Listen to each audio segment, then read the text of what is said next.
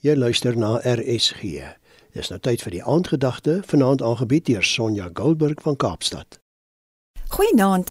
Nommer 14 leer ons om intercessors te wees. Het jy geweet? Moses se hart was baie seer omdat die volk nie vir God wou vertrou nie. Ja, hulle was so behep met hulself dat hulle nie wou onthou hoe God hulle uit Egipte land deur die Rooi See en woestyn gelei het nie.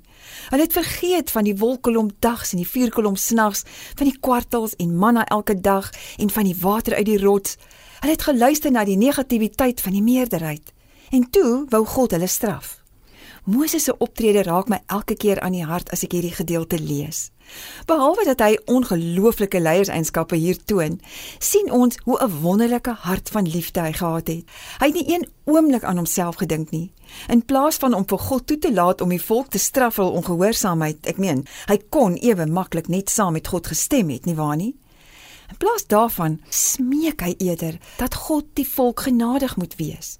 In Numeri 14 vers 13 lees ons dat Moses het by die Here gepleit.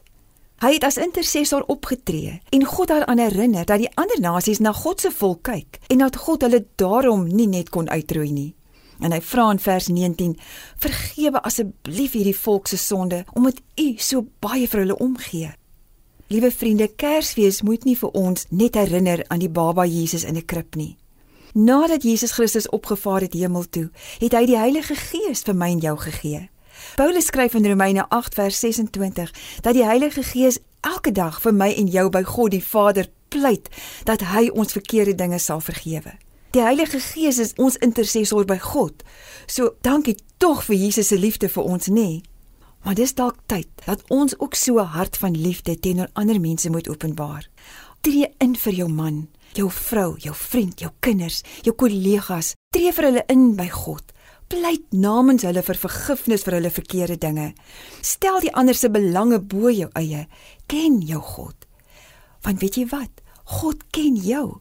Hy gee nie om as jy met hom redeneer nie. Hy gee nie om as jy vir hom iets vra nie. Hy hoor as jy namens iemand anders by hom pleit. Wees 'n intercessor vir God se saak. Hemel Vader, vandag kom sê ek eerstens dankie dat U Heilige Gees vir my intree daar by U. Dankie dat U my my sonde vergewe. Ag Here, help my om vandag 'n intercessor vir my land, my huis en my kerk, my gesin te wees, eerder as wat ek loop en kla en murmureer saam met die meerderheid. Dankie vir u liefde vir my. Amen.